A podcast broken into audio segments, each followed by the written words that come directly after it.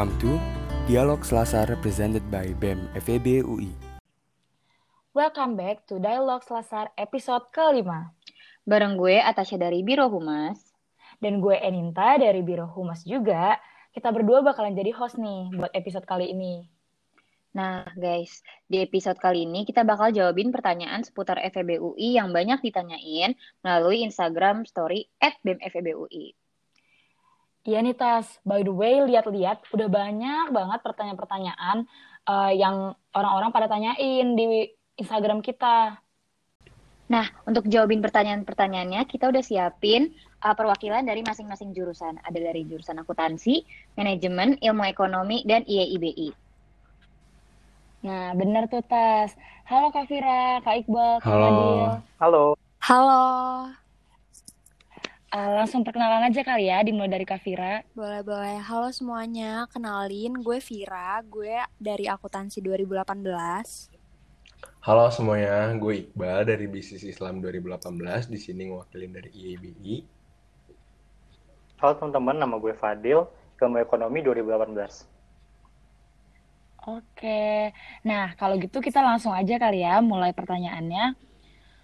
Untuk pertanyaan pertama, eh, gimana sih cara kalian masing-masing bisa masuk ke FEB UI? Oke, mungkin aku dulu kali ya. Jadi tuh uh, aku masuk FEBUI itu lewat SIMAK. Uh, dan uh, SIMAK ini berarti waktu tahun aku itu 2018 paralel. SIMAK itu sebenarnya ini sih yang bikin susah adalah dia tuh jalur, bukan susah sih, bikin deg-degan karena dia jalur terakhir Mm-mm. uh, buat penerimaan mahasiswa UI. Jadi lebih deg-degan aja terus ditambah uh, aku tuh dulu IPA jadi uh, keep up belajar IPS-nya tuh cukup uh, butuh waktu yang singkat dan pace-nya harus lebih cepat dari yang lain gitu sih. Nah, beda dari Vira tadi, kalau Vira masuk lewat SIMAK, kalau gue itu dulu namanya SBMPTN, mungkin kalau sekarang namanya UTBK ya. Nah, jadi ya gitu sistemnya tes bareng seluruh anak-anak SMA se-Indonesia. Ya, jadi kita bersaing seluruh Indonesia gitu. Jadi ya struggle lah, mau nggak mau kalian belajar harus keras banget. Dan dulu gue drilling-drilling soal aja sih. Gitu, sama ya sambil-sambil Mm-mm. berdoa juga. Gitu. Nah, beda lagi sama gue, beda lagi sama gue. Kalau gue ini keterimanya dari jalur ujian non tulis, yaitu SNMPTN. Nah, mungkin susahnya apa kalau teman-teman yang terima dari ujian tulis biasanya tuh cuma fokusnya tuh belajar di beberapa bulan terakhir sebelum penerimaan kan. Nah, cuma biasanya anak Hmm. SNM ini harus fokus banget nih dari awal masuk kelas 10 dia harus belajar buat uh, bagusin nilai raport biar uh, mungkin uh, SNMPTN-nya keterima gitu. Nah, uh, kalau dari gue, gue masuk lewat SIMAK UI Internasional atau uh, SIMAK KKI. Nah, uh, SIMAK KKI itu diadainnya sebelum SIMAK reguler. Dan uh, kalau dari aku pribadi, itu uh, belajarnya secara otodidak. Uh, dan sebenarnya belajarnya rada susah sih, karena harus nge-translate soal-soal yang bahasa Indonesia ke bahasa Inggris, catatan-catatan ke bahasa Indonesia ke bahasa Inggris. Paling gitu aja sih. Nah, by the way Tas, kalau gitu lo berarti ikut ya uh, UTBK. Kira-kira berapa sih skor UTBK uh, untuk masuk ke FEB Nah, UI? uh, s- uh, gue sih sebenarnya ikut UTBK, uh, tapi kalau dari Heeh. teman-teman gue yang keterima lewat uh, UTBK di FEB UI, itu rata-rata Mm-mm. nilai UTBK 650. Tapi 650 juga belum menandakan kalau itu tuh minimal, tapi itu nilai yang aman lah untuk uh, UTBK kalau misalkan mau masuk ke FEB UI. Iya, karena beda-beda Iya, juga ya tahun ya tiap tahunnya. Nah, pertanyaan selanjutnya ada lagi nih. Apa sih bedanya paralel, reguler, dan KKI? Dari Kak Fira Nah, dulu kali. sebenarnya eh, FEBUI itu punya jalur paralel itu sekitar tahun 2017, sekitar tiga tahun yang lalu ya berarti. Mm-mm. Nah, jadi ada paralel, reguler, sama eh, kelas khusus internasional atau KKI. Nah, bedanya Mm. ketiga jalur ini sebenarnya dari eh, tesnya. Jadi kalau paralel itu cuman bisa lewat PPKB sama eh, SIMAK. Kebetulan tahun lalu itu SIMAK udah buka buat eh, jalur yang reguler juga. Jadi ada dua, paralel dan eh, reguler. Nah, eh, untuk paralel sendiri itu sebenarnya cuman buat eh, jurusan akuntansi aja. Nah, sebenarnya tapi kalau ditanya bedanya paralel sama reguler itu di FEBUI nggak ada bedanya sih, uh, termasuk fasilitas maupun jadwal kuliahnya kita sama aja. Tapi Hmm. kalau misalnya di fakultas lain, uh, kelasnya itu cenderung lebih siang dibanding yang reguler. Paling kayak gitu aja sih. Kalau untuk KKI-nya sendiri, Tas? Nah, kalau untuk uh, KKI-nya sendiri atau kelas internasional, uh, dia itu dibagi jadi dua sebenarnya, single degree sama double degree. Nah, kalau dari namanya single degree atau Hmm. gelar tunggal, jadi uh, mahasiswa-mahasiswa FEB UI yang ngambil single degree ini, dia cuma bakal dapat satu gelar dari UI aja. Dan dia tuh uh, juga bakal uh, pergi ke luar negeri selama satu semester. Dia belajar di universitas-universitas partner UI. Kalau misalkan untuk uh, kelas double degree ya, double degree, dia itu dia akan mendapatkan gelar ganda dari UI sendiri dan universitas partner UI itu. Dan buat gelar ganda sama gelar tunggal mungkin bedanya gelar ganda akan belajar dua tahun di luar negerinya dan dua tahun di Indonesia. Hmm. By the way, lo Iya, double kalau ya? untuk gue sendiri ya? sih gue double degree. Oke, pertanyaan selanjutnya nih, ada lagi. Eh, kalau mau masuk ke FEB UI lewat jalur SNMPTN, nilai raport yang harus dibagusin untuk lintas jurusan tuh apa sih kira-kira? Hmm, sebenarnya kalau in, soal ini kayak aku nggak bisa jawab uh, fixnya gitu. Jadi kalian harus uh, konfirmasi lagi Hmm. ke uh, pihak sekolah kalian. Cuman kalau setahu aku kebijakannya tuh uh, kayak ada enam mata pelajaran yang emang jadi core penilaian SNMPTN. Itu berarti kalau misalnya IPA itu ada MTK IPA, biologi, fisika, kimia, bahasa Indonesia sama bahasa Inggris. Tapi kalau di, di IPS berarti ada ekonomi, sejarah, sosiologi, geografi sama bahasa Indonesia, bahasa Inggris. Jadi setahu aku tuh kayak disamaratakan gitu nilainya yang eh, misalkan biologi Hmm. samanya tuh di IPS tuh apa. Cuman aku juga nggak tahu ya karena biasanya penilaian SNMPTN itu tiap tahun bisa berubah juga.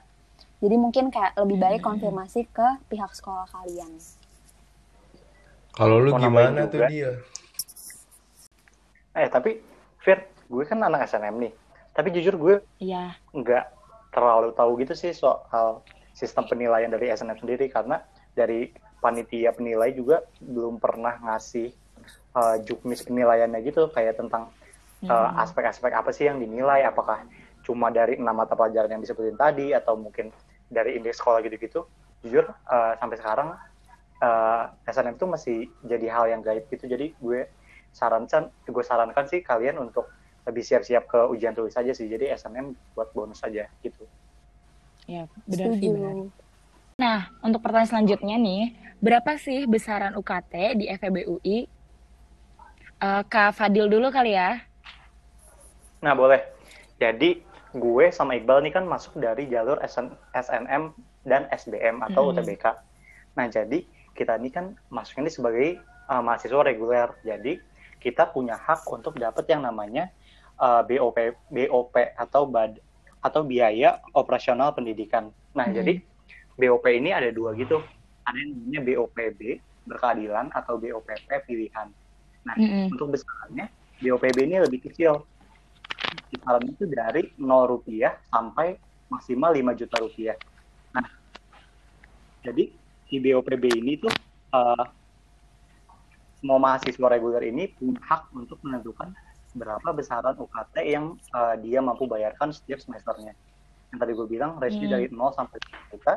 Nah, tapi semakin kecil eh, nilainya, semakin kecil eh, biayanya, tentu eh, baik- lebih banyak berkas yang harus diajukan. Kayak Mm-mm. contohnya itu foto rumah atau slip gaji eh, orang tua atau surat rekomendasi dari eh, kepala RT gitu-gitu. Tapi intinya eh, si BOPB ini ada untuk memudahkan kalian yang ingin dapat pendidikan yang baik dengan eh, biaya yang yang affordable juga. Nah, untuk yang BOPP akan dijelasin oleh Iqbal. Oke, betul banget tuh apa kata Fadil. Jadi kalau BOPB itu kalian biaya dari mulai 0 sampai 5 juta rupiah. Nah, kalau di BOPP kalian itu besarannya bisa bervariasi mulai dari tujuh setengah juta sampai 17 setengah juta. Nah, nilai-nilai itu ya termasuk bentuk apresiasi dan kontribusi lebih untuk pendidikan. Cuman enaknya kalau di reguler itu kita nggak di, kita nggak dikenain uang pangkal ya dia. Oh iya bener Betul. banget. Eh, tadi gue belum sempet jawab. Jadi karena gue paralel, kalau paralel itu bedanya sama reguler itu ada eh, uang pangkalnya. Nah kebetulan kalau buat FEB UI uang pangkalnya itu sekitar eh, 25 juta. Cuman uang pangkal ini juga beda-beda tiap fakultasnya. Nah terus eh, buat UKT per semesternya itu untuk para paralel eh, sekitar 15 juta rupiah. Itu. Kalau KKI gimana tuh? Nah, kalau yang untuk kelas internasional sebenarnya sama kayak paralel, ada uang pangkalnya juga. Tapi mungkin eh, bedanya kalau di kelas internasional uang pangkalnya 36 juta dan untuk semesteralnya dia 36 juta. Nah, untuk biaya di luar eh, di luar negerinya itu sesuai sama univ pilihannya masing-masing yang akan diambil. Nah, benar banget tuh. Tapi sekedar informasi nih, semua mekanisme biaya itu tuh bisa berubah gitu loh sesuai dengan kebijakan dari Universitas Indonesia sendiri. Terus kalau misalnya kalian udah jadi mahasiswa di UI, kalian bisa banget nyari-nyari beasiswa. Apalagi eh, saat ini Adkesma BEM FEB UI sendiri tuh eh, aktif banget ngasih info tentang beasiswa beasiswa itu. Gitu. Ih bener Nah, banget. Betul banget nih. Betul banget. Selanjutnya, eh, ada pertanyaan untuk Kak Fira nih dari jurusan akuntansi. Kalau belum pernah belajar akuntansi pas SMA, kira-kira bisa keep up nggak sih Kak? Oke, aku jawab ya. Mm-mm. Jadi sebenarnya kalau ditanya bisa atau enggak keep up di FE, itu sebenarnya bisa banget karena jujur aja setelah eh, aku masuk ke FE dan tahu nih akun tuh belajar apa aja, sebenarnya mata pelajaran akuntansi yang kalian pelajarin di SMA itu cuman applicable sampai UTS di semester 1. Mm-mm. Jadi emang cuman sebentar banget kan berarti setelah UTS itu kalian bakal pelajarin eh, hal-hal yang lebih beda lah dari yang kalian pelajarin di SMA. Cuman sebenarnya dasarnya sama-sama aja sih. Dan kalau misalnya soal keep up atau enggak mungkin bisa disesuaikan sama eh, cara belajar kalian juga kali ya. Iya, dan fun fact-nya juga Kak, eh, rata kebanyakan anak akun sendiri dari IPA nggak sih? Oh iya bener sih, Mm-mm. iya bener juga sih karena mungkin eh, rata-rata eh, karena di akuntansi itu butuhnya analisis dan eh, di IPA juga pasti kalian udah dapet lah basic analisis itu dari eksak-eksak juga kan. Jadi kayaknya nggak perlu eh, nggak perlu usaha lebih banget sih. Oke. Gitu. Hmm. Lanjut kali ya. Eh, Boleh. pertanyaan berikutnya nih buat Kak Fadil. Bener nggak sih Kak, kalau misalnya lulusan ilmu ekonomi itu paling sial jadi menteri? Awe banget. Nah, BTW kalian bisa search juga jumlah menteri sekarang tuh cuma 38 gitu kan, nggak nyampe 40 orang. Terus berarti kan jumlah IE tuh ada seratusan kan kurang lebih. Terus kayak Hmm. 70 orang lagi ngapain? Nah, apa iya nganggur? Tuh enggak dong. Nah, jadi Enggak dong. ungkapan ini tuh ada karena biasanya uh, alumni-alumni dari FP itu terutama uh, eh maksudnya uh, menteri-menteri terutama yang di bidang ekonomi itu biasanya itu dari ilmu ekonomi UI contohnya yang kayak kalian tahu tuh Budi Mulyani atau. Pak Akibat. Nah itu biasanya dari UI jadi kayak makanya orang-orang nyerahnya ya udah lo paling sial jadi menteri lah kalau di UI padahal sebenarnya kenyataannya uh, IE sendiri tuh banyak banget prospeknya. Karena di dalamnya sendiri kita tuh belajar banyak banget dari skala makro ke mikro dari uh, sumber daya alam lingkungan ke sumber daya manusia terus dari ekonomi moneter fiskal atau dari pokoknya dari semua lapisan ekonomi dah kita pelajarin kalau di ilmu ekonomi itu. Gitu. nah dari situ juga prospeknya juga jadi jauh lebih luas. Cuma emang biasanya kita tuh nggak jauh-jauh untuk uh, disiapin jadi policy maker gitu jadi policy maker atau jadi uh, analis keuangan konsultan jadi aktuaria atau lain-lain gitu jadi kayak nggak salah juga tapi nggak bisa dibenarin juga kalau dia itu paling kecil jadi itu sih Benar, benar, benar, Kak. Nah, lanjut nih. Eh, ada pertanyaan untuk Kak Iqbal. Apa sih, Kak, bedanya apa nih? IE I- apa sih bedanya IEI, BI dengan ilmu ekonomi dan manajemen? Oh, jadi gini, kalau misalnya IAIB itu pertama kali ada di FEUI itu sekitar tahun 2013. Nah, bedanya apa sih? Tentunya eh, perbedaan itu cukup signifikan di mana IAIB itu eh, nilai dan landasan yang diajarin pada jurusan itu sesuai dengan hukum-hukum Islam. Jadi kayak mulai dari eh, nilai dan landasannya sesuai dengan Al-Quran, hadis, dan yang lainnya. Nah, terus eh, gimana? Apa sih bedanya IAI sama BI? Nah, kalau Mm-mm. bedanya IAI sama BI itu, kalau IAI itu atau ilmu ekonomi Islam itu lebih mengarah eh, pada fokus makro. Jadi eh, mereka juga akan belajar tentang eh, ilmu ekonomi secara keseluruhan, kemudian punya fokus eh, ilmu secara Islam, pandangan Islam. Terus kalau di bisnis Islam itu fokusnya adalah tentang keuangan. Nah, nanti di semester akhir juga bisnis Islam tuh ada penjurusannya lagi. Eh, kita bisa kita bisa milih finance, bisa milih marketing dan HR gitu. Oh, oke oke Kak. Nah, eh, selanjutnya ada pertanyaan buat Atasha. Kira-kira Ya. manajemen itu kan nanti ada peminatan tuh Mm-mm. Kira-kira apa aja sih peminatannya dan mereka masing-masingnya itu kayak gimana gitu?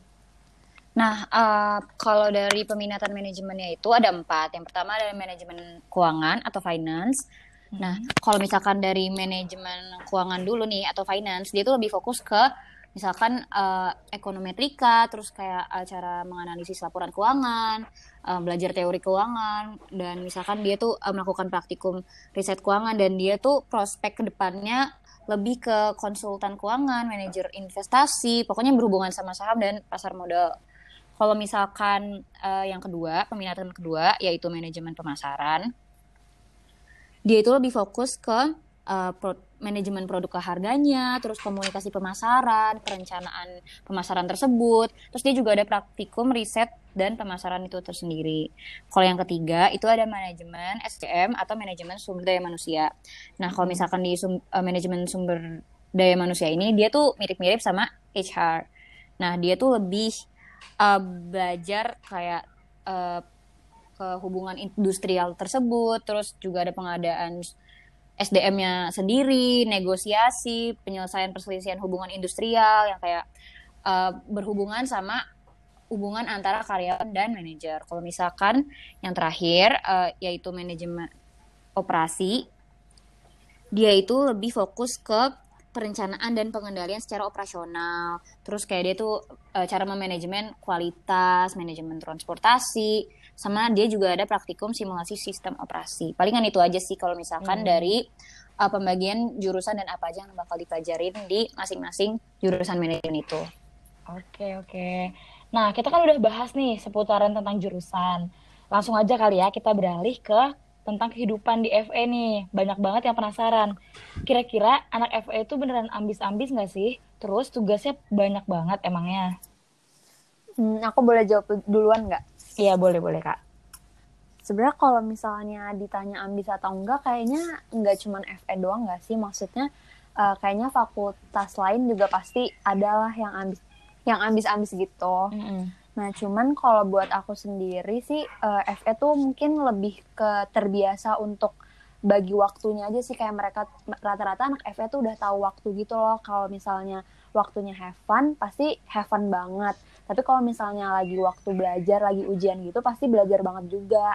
Dan sebenarnya anak-anak FE tuh banyak banget yang aktif di kegiatan non akademis karena eh, organisasi sama kepanitiaan di FE tuh eh, beragam banget, bener-bener dari apa ya di berbagai bidang gitu. Jadi rata-rata pada join gitu sih, join join kepanitiaan, join organisasi Mm-mm. kayak gitu sih.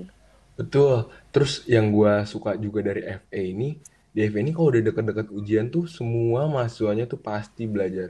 Minimal minimal sebulan sebelum ujian tuh pasti perpus sudah banget deh kayak hmm lo bakal pressure Bener-bener. banget. Tapi Jadi kayak gak sih bakal maksudnya keikut ke trigger gitu. gitu. Kita jadi ke trigger Iya, buat iya, jadi ke belajar. trigger buat iya setuju banget. Jadi kayak mau nggak mau ya kita jadi belajar juga dan jadi habit bagus sih menurut gue. Iya bener banget. Nah, kalau misalnya lo gimana dia kira-kira dia kehidupan di FE lo ini? sebenarnya udah jelas banget sih jawaban uh, Vira sama Iqbal karena itu juga yang gue rasain selama ini kayak wah kayak anak FB tuh uh, kayak bahkan orang-orang kadang mengartikan FEB itu sebagai fakultas event dan bazar gitu jadi kayak Mm, mm, mm. semua orang berorganisasi Hmm, semua betul orang uh, banget. punya kepanitiaan gitu kan tapi di sisi lain di sisi satunya akademisnya nggak ditinggalin gitu loh jadi kayak Iya. emang work workloadnya akan sebanyak itu sih di FE gue gue nggak mau mungkin kalau emang akan capek banget sih buat ngimbangin belajar cuma uh, ya ya outputnya juga insya Allah akan bagus sih gitu Seneng kan deal Dan tapi oh, seru banget cuy Iya, Justru bener. jadi penyeimbang banget sih. Jadi kayak Bener. seneng banget. Iya bener banget. Balance gitu loh antara kehidupan akademis dengan tentang Panitia gitu. dan Setuju ya, organisasi-organisasi. Hmm, benar-benar. Kalau dari Atashi sendiri gimana Tas? Sebenarnya kalau dari gue sendiri udah dijelasin semua sih dari fakultas IVE dan Bazar dari awal-awal masuk FE itu udah Hmm. uh, awalnya sih rada shock sih karena uh, pas uh, udah deket-deket ujian apalagi untuk uh, mas, pas aku masih semester 1 ya tuh orang tuh belajar ada yang dua bulan sebelumnya. After uh, cutting-cutting yang menawarkan les tuh pasti udah pada penuh-penuh gitu. Dan sebenarnya kalau jadi orang pinter di FE itu menguntungkan banget sih karena bisa nawarin les kak di kelas dan bisa dapat Betul, pemasukan juga dari situ. Jadi kalau kalian udah serius di FE terus udah panitia organisasinya jalan itu udah keren banget sih. Ya, setuju, setuju, Setuju setuju banget. Setuju banget. Setuju, setuju. Nah, Pak, lanjut nih, ada pertanyaan yang menarik banget. Bener nggak sih kalau anak FE ketahuan nyontek pas UAS atau ujian bakal kena denda? Jelasin. Eh, gimana ya? ya dengan- nih? gue kali ya boleh, Oke, boleh, boleh, boleh. ini ya banget kayak ini lo nggak main di fakultas lain sih imagine eh imagine. Bayangin deh lo masuk ke dalam ruangan ujian. Hal pertama yang lo lihat di papan tulis adalah tulisan gede-gede. Dilarang mencontek. Apa ya gue lupa. Kalau semua tapi Pokoknya apa sih eh, kalau Ini kalau apa? ketahuan eh, Mencong- nilai iya, nilai jika- Nilai mata kuliah berjalan mata kuliah. semuanya eh iya Iya bener. wah itu tiap-tiap itu akan ini banget sih akan terngiang-ngiang banget ya. banget. Iya itu akan strict banget kalau tentang masalah integritas kalau di FE. Nah iya terus gue mau nambahin juga jadi karena eh, kan kita ada evaluasi tiap semester genap gitu kan. Nah jadi kalau misalnya buat mahasiswa tingkat satu tuh sebenarnya ketahuan nyontek tuh bakal eh, langsung DO gitu, langsung drop out pas semester 2-nya karena dia tuh nggak mencukupi eh, syarat evaluasi kelulusan S eh lulus SKS tuh 24 ya kalau misalnya semester 2. Jadi kita ada evaluasi tiap semester genap gitu. tuh jadi jangan sekali-sekali deh nyontek di. FE. Betul. Bener. Iya guys, jadi kalau misalkan kalian nyontek di FE, iya tenang nggak akan kena denda, tapi kalian akan DO. Di DO. Itu lebih serem gak sih? Iya. betul Oke. Nah, pertanyaan selanjutnya nih. Kan kelihatan nih kalau misalnya kehidupan di FE itu sebenarnya cukup berat gitu lah ya, bisa dibilang. Nah, apa sih yang membantu kalian untuk memudahkan belajar di FE nih biar lebih enjoy kayak gitu? Hmm, aku mau jawab duluan. Iya, boleh, boleh. Nah, kalau aku sebenarnya kayak cukup satu sih jawabannya yaitu peer group karena kayak nggak tahu sih selama selama di FE berarti udah empat semester apa ya peer group tuh eh, ngaruh banget deh kalau misalnya soal buat belajar maupun nggak soal non akademis juga ngaruh gitu karena menurut aku peer group tuh sama aja kayak support system kalian di FE gitu loh dan Hmm. eh, itu memudahkan kalian eh, buat belajar bener-bener lebih enak kalau belajar bareng karena aku ngerasa kalau di FE belajar sendiri eh, agak kesulitan sih. Betul, karena em, di FE itu kan matkulnya juga banyak banget tuh babnya. Jadi kalau enaknya berpeer group tuh kayak kita bisa bagi-bagi materi. Jadi ntar gue ngejelasin apa, peer, peer temen gue ngejelasin apa. Jadi kayak saling bertukar informasi itu nge- ngebantu banget sih. Benar. Mau nambahin Dan juga cuma sih. info. Ah, boleh Fadil dulu. Iya dan juga cuma informasi juga yang lo share tapi berbagi penderitaan menurut gue itu hal yang penting juga sih kayak pas lo tahu lo nggak nggak susah sendiri tuh sama lo lo nggak ngerasa jadi delegetan gitu Iya, nggak sih? benar. Makanya Setuju, jadi support system banget gak sih? Nah, Peer group. nah itu makanya menurut gue peer group tuh sumpah jadi apa ya salah satu hal yang sangat-sangat penting sih. Tapi gue juga nggak, ah, tapi gue juga masih menemukan sih teman-teman gue yang sampai sekarang nggak nge-peer gitu dan mereka masih oke-oke aja. Cuma buat gue pribadi peer group penting banget. Nggak tahu kenapa kayak Mm-mm. pagi gue bisa Mm-mm. gila kalau tanpa peer group. dan eh, me- sebenarnya memudahkan karena di FE anak-anaknya pada aktif non akademisnya juga jadi biasanya anak-anak FE biasanya udah bikin to do list gitu kayak eh, biar biar mereka tuh tahu ngebagi waktunya kapan buat belajar sama aktif di eh, kegiatan non akademis biasanya sih kayak gitu Nah, Benar. tapi kalau gue yang deadlineer, gue sangat kebantu banget dengan adanya peer group. Jadi gue selalu diingetin sama temen-temen peer gue. Jadi ya enak aja kayak, eh besok kuis belajar malamnya. Jadi ya mau enak aja gitu selalu diingetin. nah itu tergantung kalian juga sih Intinya gitu sih. ya Iya tergantung. Jadi mau kalian orangnya terplan atau eh, ya suka deadlineer kayak gue, kalian tetap bisa keep up di FE. betul Betul banget. Benar banget. Bener-bener bener. Nah, terus eh, ada lagi nih pertanyaan selanjutnya. Kira-kira rekomendasi kalian makanan enak yang ada di kafe itu apa nih? Favorit kalian? Hmm, Fokus. Em, Eh ini kafe, Di gue kafe. Di kafe, kafe, jujur gue ada top 3 Jangan nya kutek. gitu demi Allah gue jawabnya kutek. Kira Iya maaf. Eh, kalau gue Ayo, gue ada top 3-nya eh, jadi di Ya udah, eh, gue apa-apa. kangen banget nih sama kafe Eh, top 3-nya Kasainan. gue itu uh, misoanya Love Cafe kalau kalian Mhm. pernah ta- Ah, dia. kalau kalian tahu terus yang kedua gue suka banget ketoprak yang di kafe kanan kalau kalian tahu juga dan yang ketiga Tahu, tahu. gue suka uh, bakso Malang hmm. Mahal nggak sih bakso Malang Eh, tuh? tapi enak sumpah jujur Yang kalian harus coba belas ribu kan?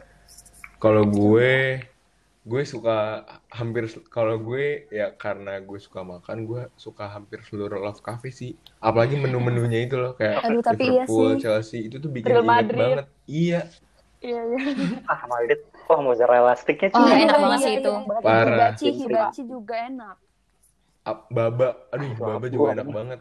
Kayak Aduh. telur terus Oh, ayam. iya. Hmm. Kangen FE gak sih Iya kangen Betul. banget. Banget. Apalagi kangen banget sama Bang Jai yang suka jualan mie. Oh iya, es teh susu. Telur setengah matang.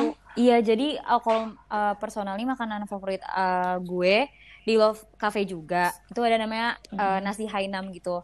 Dia masaknya tuh Nah ini dia teman gue. Iya, jadi tuh masaknya tuh dia kayak cepet banget gitu, tapi enak banget, emang kerasa banget dari kuahnya, nasinya, dan itu harganya cuma 17-18 ribu, 17.000. iya. Wah gila. Dan udah kenyang banget gak sih? Itu tuh udah kenyang banget sih, bahkan uh, Terus, kadang-kadang makan tuh cuma setengah. Nah tuh kalau misalkan uh, yang kedua, kalau gue personally itu sih mie gorengnya Bang Jaya, mie goreng, kor mie, go- mie goreng, kornet, telur, sama keju. Itu kayak digabungin, enak banget. Duh, kita jadi kayak review makanan gitu. Iya. Eh, tapi Berbeda. terus, terus di cafe itu lu juga bisa kalau lagi nggak punya duit banget nih, lu bisa beli tahu goreng potong di ayam penyet. Hmm, itu cuman seri, seribu satu, tapi kayak bisa kenyang Eh banget. gue nggak tahu loh Iya, gue juga gak tahu. Di ada itu, coba. yang di ayam penyet gak ada sih? di ayam penyet. Aduh Ayam ya. penyet juga di ayam enak tuh. penyet. Kayak Iya, lu bisa makan lima ribu deal. Eh parah. Eh ayam bumbu Bali nggak sih? Uh, ayam Oh, itu juga juga enak enak sih. Itu banget. enak. Pedesnya Iya, pas banget ya Bang. Allah. Ini tuh bener-bener bikin kangen. FE banget. Iya, jadi kangen. Iya iya setuju. Terus kalau pagi-pagi gue selalu gue selalu beli gorengan Jaya. Aduh, Wah betul betul betul. Yang jam 11 udah habis. ih bener banget. Tapi tuh kayak tempenya tuh enak banget gitu loh. Tapi kayak 2000 cowok. Iya sih. Memang banget. Tapi tempenya gede Emang. Jay. Tapi gede. Tapi emang gue setuju gue Iya. suka beli tempe. Enak banget.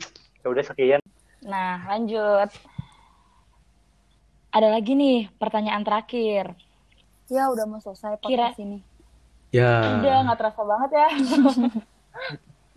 nah, pertanyaan terakhir nih, kira-kira pindah pindah jurusan di internal FE bisa nggak sih? Contohnya nih, ada nanya, kalau misalnya dia dari akun paralel pengen pindah nih ke ilmu ekonomi reguler, bisa nggak sih? Terus gimana caranya? Kayak gitu. Hmm. Kayaknya Hmm. bisa ya. kira-kira jawab? Fadil kayak lebih tahu Fadil nih. ya kayak Fadil, Adil deh. deh, ya. Kenapa gue ya? Tapi oke deh, gue akan coba jawab. Oke. Jadi sebenarnya bisa banget kalau lo ceritanya udah satu tahun nih, udah satu Mm-mm. tahun di paralel, terus lo pengen pindah dengan beberapa alasan ke reguler, itu bisa Mm-mm. banget. Kalian tinggal ikutin lagi eh, langkah-langkah yang sama kayak kalian daftar awalnya, daftar SBM ya, daftar Mhm. SBM atau daftar eh, simak reguler berarti ya udah nanti masalah SKS kalau kalian ngerasa kayak buang-buang waktu tenang aja karena kalian kalau dari UI ke UI atau dari FP ke FP itu kalian bisa yang namanya trans- transfer SKS. Jadi eh, matkul-matkul yang matkul-matkul yang udah kalian ambil sebelumnya itu tetap akan dihitung gitu loh dan nggak akan eh, angus gitu. Jadi kayak ya udah kalian tinggal terusin dan kalian udah nggak usah lagi nambah satu tahun.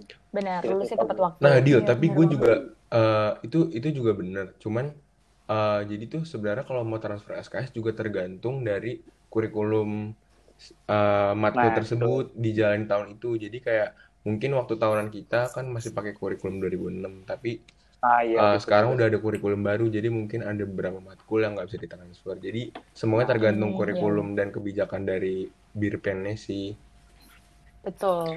Nah, itu juga berlaku buat kalian yang uh, awalnya dari univ lain nih ceritanya, terus mau masuk FWUI. Nah, itu juga caranya sama, dan tentang SKS ini bisa ditransfer atau enggak, itu sama kayak yang dijelasin Iqbal tadi, kayak termasuk uh, apa harus dikonsiderasi di kurikulum dan lain-lain. Betul. Itu deh. Benar. Oke deh. Nah, sekian nih pertanyaan-pertanyaan eh, dari Q&A yang udah sempat ditanyakan sama teman-teman semuanya melalui Snapgram BEM FEB UI. Iya, makasih ya semuanya yang udah nanya di IG BEM FEB UI. Makasih juga nih buat Kak Vira, Kak Iqbal, sama Kak Fadil yang udah nyempetin waktunya. Thank you juga you nih Anin. dan Atasya. Ya, good luck ya. Ya, dan semoga informasi yang kita berikan bisa membantu kalian. See you at FE. Nah, teman-teman, kita juga mau minta maaf nih kalau misalkan ada pertanyaan yang belum kita jawab. Untuk kalian yang masih penasaran tentang FEB UI, bisa banget bertanya di Q&A berikutnya di episode-episode selanjutnya. Bener banget nih. By the way, Tas, kita sampai di penghujung acara kita. Nggak terasa banget nggak sih? Ya nih, cepet banget kayaknya. Sebelumnya, kita mau kasih tahu nih, proker-proker untuk minggu depan. Ada bidding NFF yang akan diadakan pada tanggal 8 Juli, dan yang terakhir akan ada Humas Studi Banding bersama BEM Fakultas Komunikasi Bisnis Telkom University pada tanggal 9 Juli. Kalau kalian ingin tahu lebih lanjut lagi mengenai BEM FEB UI, langsung cek aja sosial media kita di @bemfebui atau kalian juga bisa chat kita melalui OA line @bemfebui. Kalian juga bisa mengunjungi website kami di bemfebui.com. Teman-teman yang pengen ngajak kolaborasi, bikin project bareng, studi banding, atau ngasih kritik dan saran, bisa banget langsung hubungin di sosial media yang tadi udah disebutin sama Atasha. Nah guys, jangan lupa juga ya untuk pantengin terus podcast ini karena bakal banyak banget bahas menarik yang kita bakal post di episode-episode berikutnya. Bener banget, Tas. Kalau gitu, gue Eninta. Dan gue Atasha pamit undur diri. Stay tuned and see you at our next, Next episode. episode. Bye-bye.